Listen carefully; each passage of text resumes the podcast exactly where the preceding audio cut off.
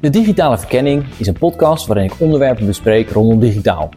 Als ondernemer verken ik de digitale wereld, de technologieën en het ondernemerschap dat daarbij komt kijken.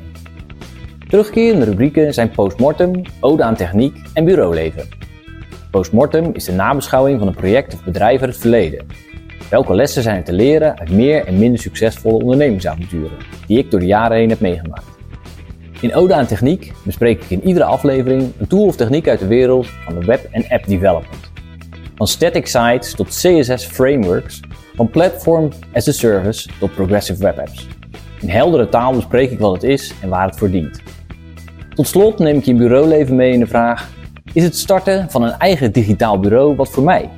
Dat doe ik door bureau-eigenaren van gevestigde digital agencies te interviewen en hen de vraag te stellen welke uitdagingen zij tegenkwamen bij het starten van hun bedrijf. Dit alles bespreek ik in de digitale verkenning.